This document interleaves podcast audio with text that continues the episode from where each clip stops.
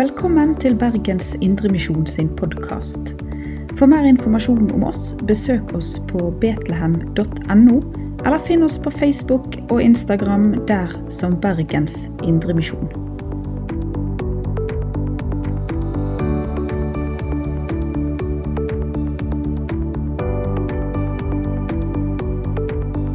God søndag, alle sammen. Godt å se at det er oppmøte som er godt på en søndag som er god. Hver søndag er jo ment å være en god søndag. En påminnelse om det gode som Gud har gjort for oss til evig tid og frelse. Så det er godt å komme sammen og kunne dele denne troen som vi er blitt minnet om, som har sin sterke forankring i at Gud kom oss nær i Jesus Kristus. Ble som en av oss, og som i påsken også forkynner oss at han døde og sto opp igjen til vår frelse og fred. Derfor kan vi også hilse hverandre med Guds fred. Det er jo sånn mange gjør i andre land. Shalom, fred være med deg. Eller i disse eventyrene òg, så var det ofte sånn de hilste hverandre. Fred. Det er blitt vår. Det er ting som har skjedd i naturen. Det har skjedd mye siden sist jeg var her. Jeg skal ikke dvele for mye med det. Men det er godt å komme sammen og få lov å lytte til og dele Guds ord. Og Det skal vi gjøre i dag. Og Vi skal også i dag få høre søndagens tekst, som vi finner i Johannesevangeliet kapittel 10. La oss lytte til Jesu ord til oss. Det står skrevet 'Jeg er den gode hyrde'. Jeg kjenner mine, og mine kjenner meg. Liksom Faderen kjenner meg, og jeg kjenner Faderen. Jeg setter mitt liv til for fårene. Jeg har også andre får som ikke hører til i denne innhegningen. Også dem må jeg lede, og de skal høre min røst. Og det skal bli en jord og en hyrde. Derfor elsker Faderen meg, fordi jeg setter mitt liv til for at jeg skal ta det igjen. Ingen tar det fra meg, men jeg setter det til av meg selv. Jeg har makt til å sette det til, og jeg har makt til å ta det igjen. Dette budet fikk jeg av min far. Slik lyder Herrens ord. La oss be. Hellig oss i sannheten. Ditt ord er sannhet. Amen.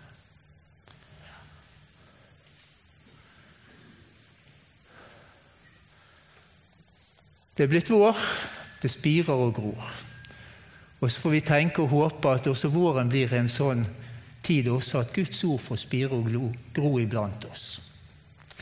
Men vi ser alle disse tegnene rundt oss, selv om det ikke er det samme som det som skjedde når Jesus døde og sto opp igjen, så er det også et sånt lite tegn, en påminnelse om at Gud skaper nytt. Det er mange vårtegn.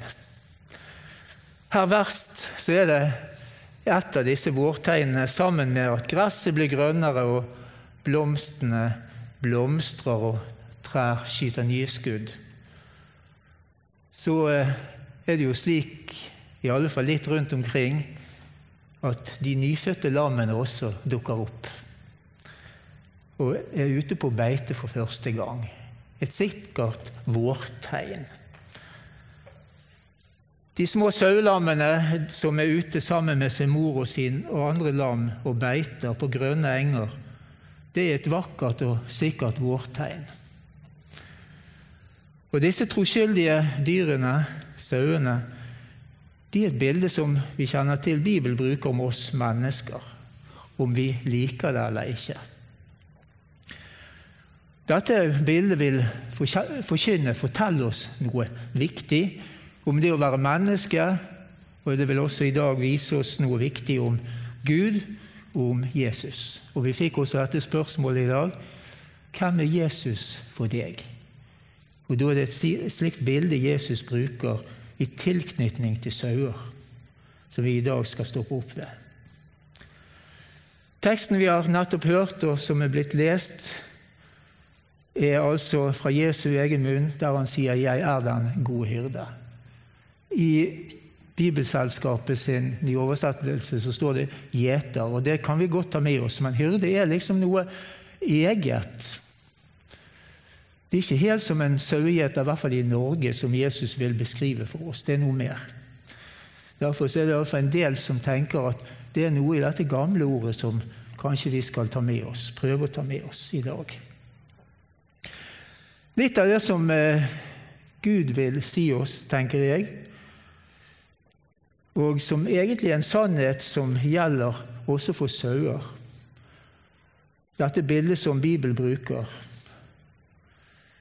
Det at sauen trenger å ja, vite, trenger å vite at han har et opphav.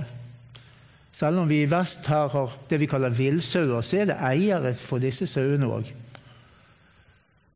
Og ellers er det jo slik at sauebonden den har en rolle overfor dyrene. Vi trenger også vite om og få kjennskap til, samme hvor vilt og individuelt vi lever våre liv, at det fins en Gud og en Herre, en hyrde som vil ha oss i tale, og som vil samle oss inn til seg. For det er der vi egentlig hører hjemme ved våre liv. Og denne Gud, hyrde, er kommet oss nær i Jesus Kristus. Vi skal ikke forlate dette bildet om sauen så raskt. For det viser oss noe om livet som er risikabelt. Det forkynner for oss at ikke alle dyr, og heller ikke alle mennesker, får gjøre nytte for sitt opphav og sin herre, sin hyrde. Noen går seg vill på veien, kommer ikke hjem med flokken når det er tid for å samle og sanke inn. Når Jesus sier 'Jeg er den gode hyrde', da minner han oss også om at han er noe helt unikt. Den gode hyrde.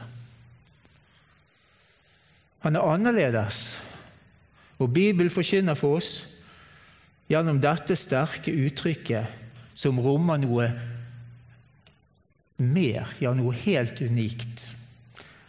Det forkynner for oss noe guddommelig, en guddommelig dimensjon og en helt nødvendig tjeneste. Som Jesus kommer til å gjøre som menneske og Guds sønn for oss. Dette uttrykket 'Jeg er den gode hyrde' Vi skal først stoppe opp med de første to ordene. 'Jeg er' det er et ganske ikke bare uttrykksfullt, men sterkt uttrykk. I alle fall for de som var opplært i den gamle skrift på Jesu tid.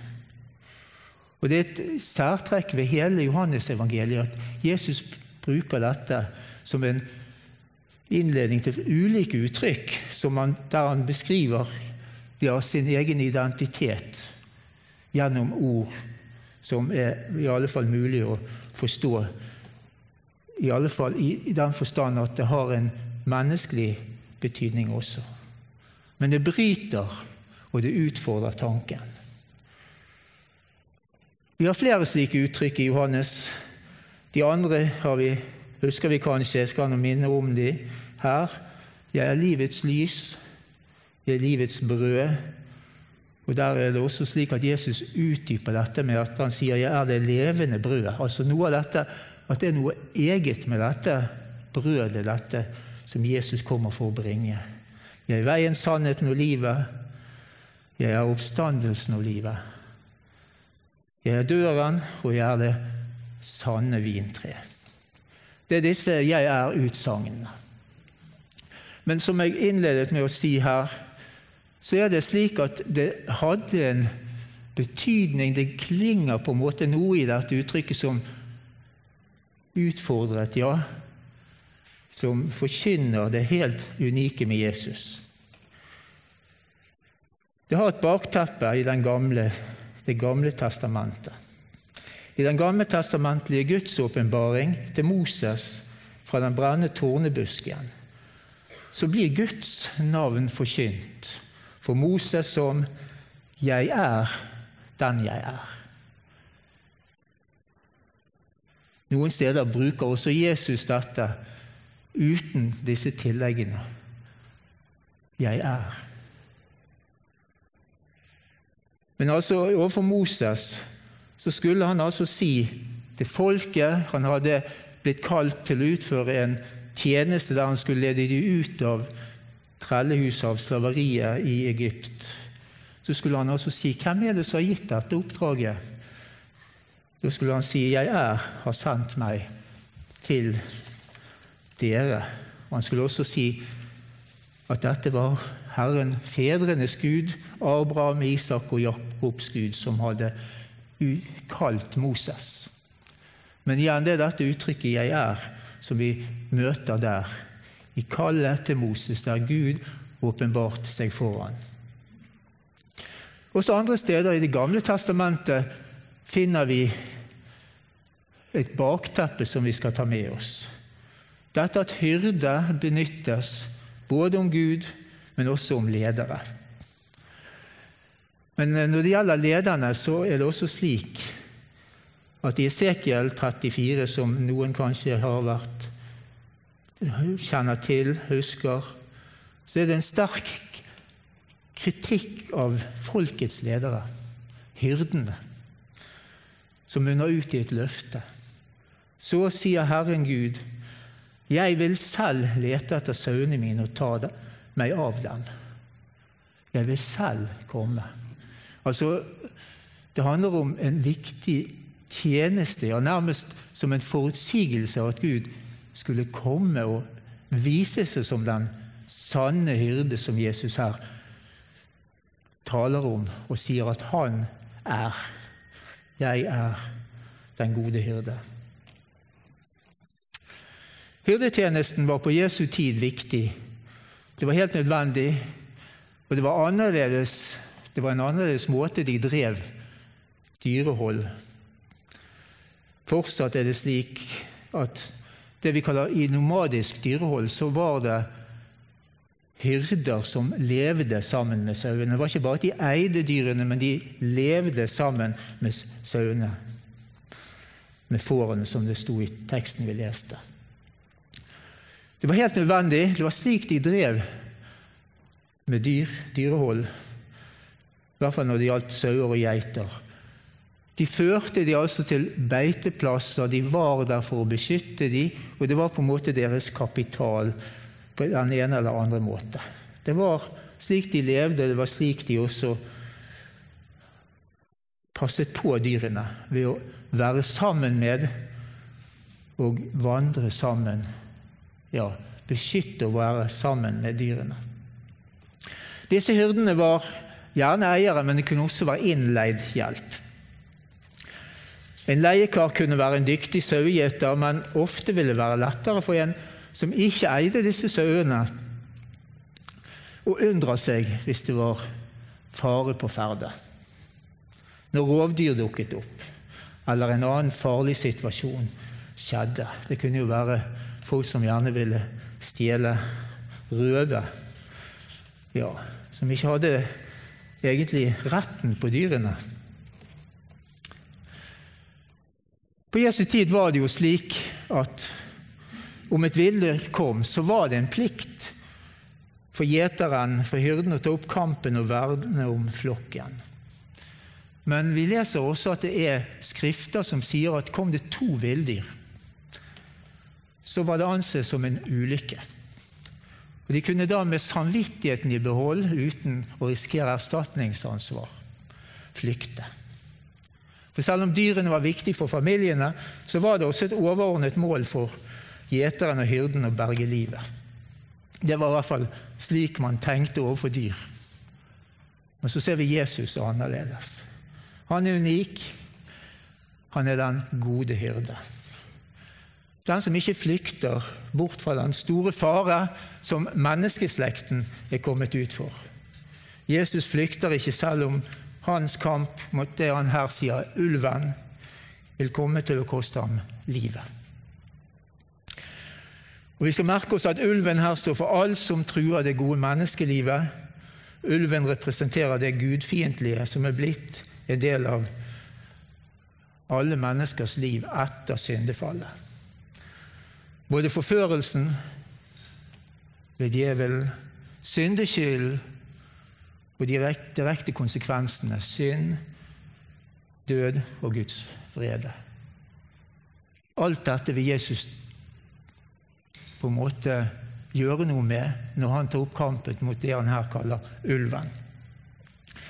Og Denne selvoppofrende tjeneste er også forutsagt ikke bare Jesus, men det er også antydet at det har sitt bakteppe i det vi kaller den lidende tjener i Jesaja 53.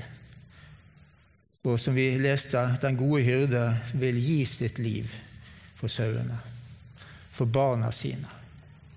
Flere ganger sier han dette, at han gir sitt liv. Det er rystende tale, egentlig, for det vil koste han livet.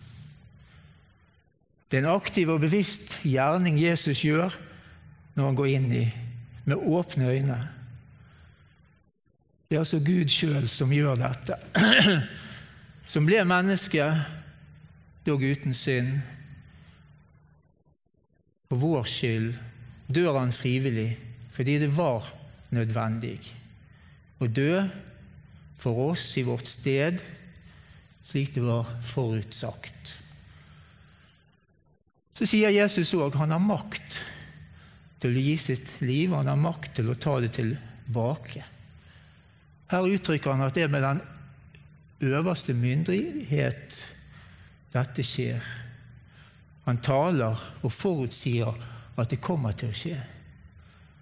I den påsken som på det tidspunktet han talte, nærmet seg. Og Det med en selvbevisst autoritet som bare den høyeste Gud kan ha, han taler. Han har altså myndighet til å gi sitt liv, ikke bare til å dø, men at det kommer til å få en betydning.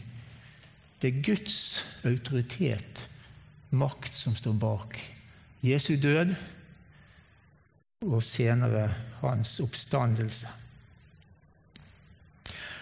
Den selvhengivelse som skjedde, er helt nødvendig da han ble opphengt på et kors og døde for vår skyld.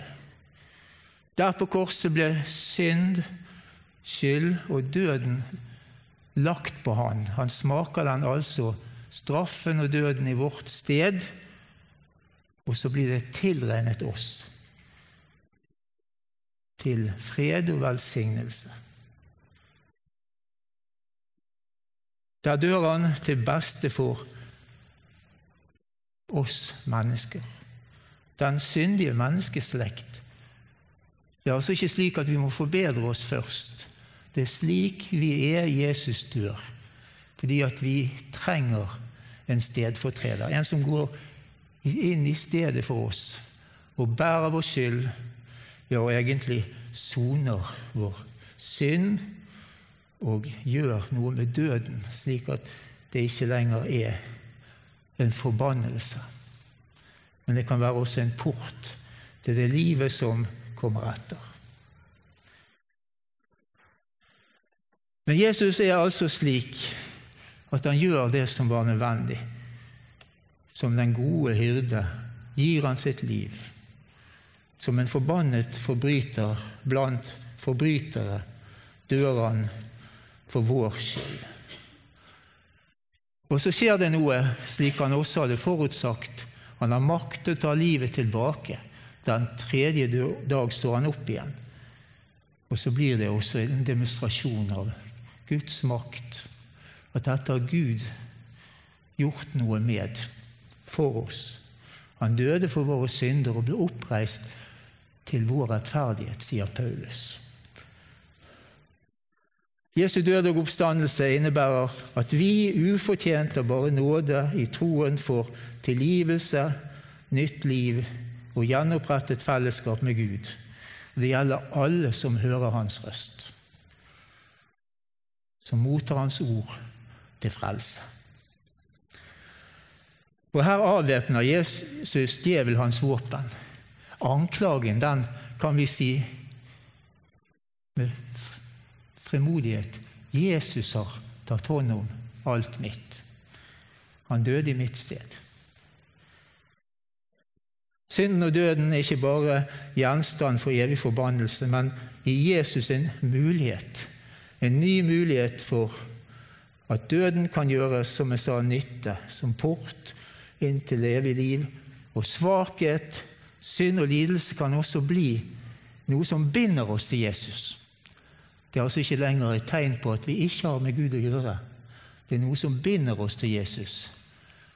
Og vi har løftet om at vi er i Herrens hånd, i troen på den gode hyrde som ga sitt liv for sauene.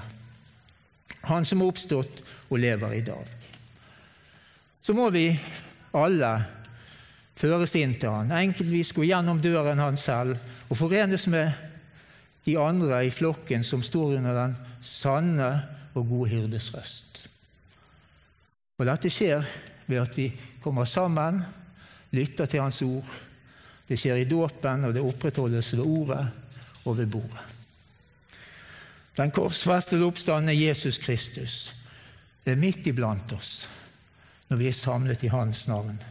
Når ordet får lyde, når Hans røst får komme oss i møte. Mine sauer skal høre min røst, sier Jesus. Dette ordet det er vi kunne sagt et dobbeltord. Det er både et, et bud vi skal høre på det han har å si, men også et løfte. Du får høre Jesus, Guds røst, når du låner øre til det ord Jesus har etterlatt seg gjennom sine apostler, slik vi leser det i vår bibel. Og Vi vil på den måten erfare at den omsorgsfulle Gud som taler til oss, som vil oss vel gjennom Sønnen, den gode hyrde. Det er et løfte. Og det er et nært forhold. Det er et løfterikt nærvær Jesus beskriver.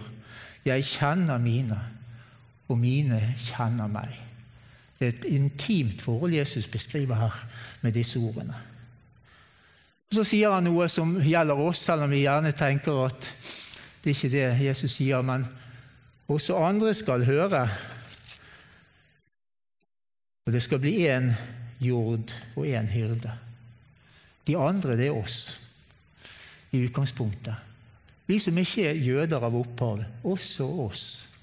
Og så skal han forene oss med de som hadde førsteretten, som er jøder, til Guds frelse og Guds løfte, til Han som skulle komme.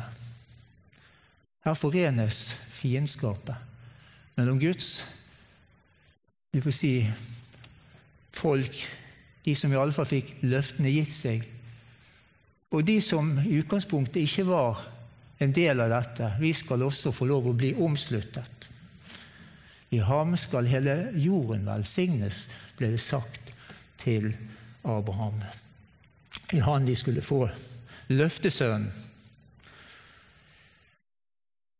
Og det er et løfterikt nærvær Jesus forkynner og gir sine. Ikke bare i medgang, også når floker seg til. Sauer kan gå seg fast, de kan bli redde. Står de i skårfeste på en liten hylle med et stup under seg, så gjelder det å ikke bli skremt. Jesus er den gode hyrde, som med sin milde røst kaller til seg mennesker der livet har gått seg i floke. Og Slik gjelder det også for oss å prøve å følge Jesu eksempel hvis vi skal hjelpe andre.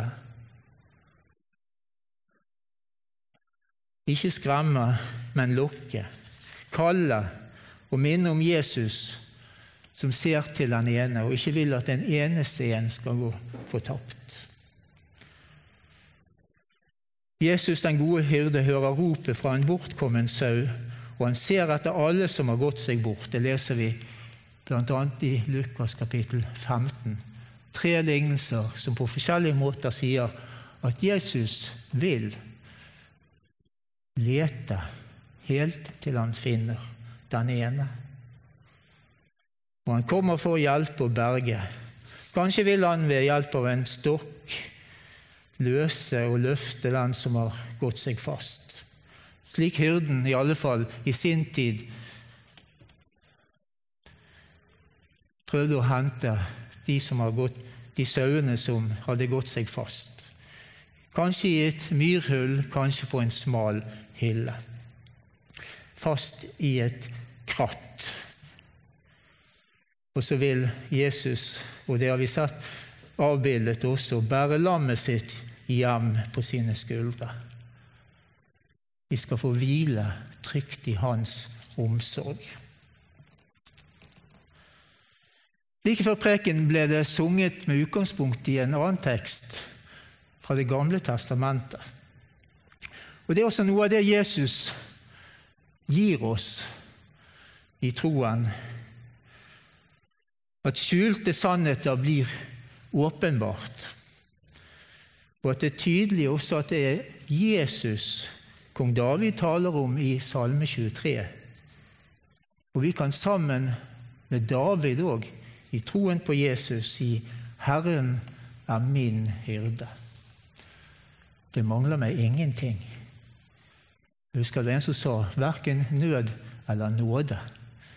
Men jeg trenger Jesus, og jeg er trygg i hans omsorg alltid. Han lar meg ligge i grønne enger. Han leder meg til hvilens vann. Der får man slukket tørsten. Kanskje det er et bilde på dåpen også. Vi kan få hvile i løftet som Gud gir oss i dåpen. Vi knyttes til Han, og så får vi del i frelsen ved tro og ved dåp. Han fornyer vår sjel, sier David. Han fører meg på rettferdighetsstier for sitt navns skyld. Det skal vi få lov å ta med oss. Det er for hans skyld han vil lede, først og fremst. Han vil lede, og han vil utøve hyrdeomsorg for sine alltid. Og Så ser vi et viktig bilde i denne salmen som mange har funnet trøst i. Der vi beveger oss videre fra landskapet med grønne enger og hvilesvann, så leser vi og hører vi jo i denne salmen om dødsskyggens dal som nå oppleves som et trygt sted å vandre i sammen med Jesus. Det er trygt, selv om vi også en gang skal oppleve at livet en gang nærmer seg vår avslutning. Vi har en løfterik Gud som vil være med. Og Det ser vi også i salmen. Det er begrunnelsen for at David uttrykker denne, uttrykker denne trygghet fordi du er med meg. Den kjapp og din stav, de trøster meg. Helt til slutt fra denne salmen et menneskelig bilde. Du dekker bord for meg. Kanskje også en liten antydning om det vi kjenner til, dette måltidet Jesus innstiftet, Herrens nattverdbord, der også vi fornyes i Guds løfter om frelse og fred. Og helt til slutt fra Salme 23 vi kan være trygge. Et løfte, bare godhet og miskunnhet skal etterjage meg alle mitt livs dager, og jeg skal bo i Herrens hus gjennom lange tider. Jesus er den gode hyrde. Han har gitt sitt liv for alle, for oss og deg og meg. Det er din frelse. Det er din hyrde vi har fått høre om, som vil være hos oss. Når vi låner øre til Hans ord, så skal Han være nettopp midt iblant oss. Han er trofast, Han som kaller oss til samfunn. Og han sier, 'Alle dem som Faderen gir meg, kommer til meg.' Og alle som blir der, som lytter til Hans ord, vil Han stelle med. Og ingen som blir Hans ord og tror Hans løfte, vil Han noensinne støte bort. Til ære for Faderen og Sønnen og Den hellige ånd, som var og er en sann Gud, den gode hyrde fra evighet og til evighet. Amen. Du har lytta til Bergens Indremisjon sin podkast. For mer informasjon om oss, besøk oss på betlehem.no, eller finn oss på Facebook og Instagram der som Bergens Indremisjon.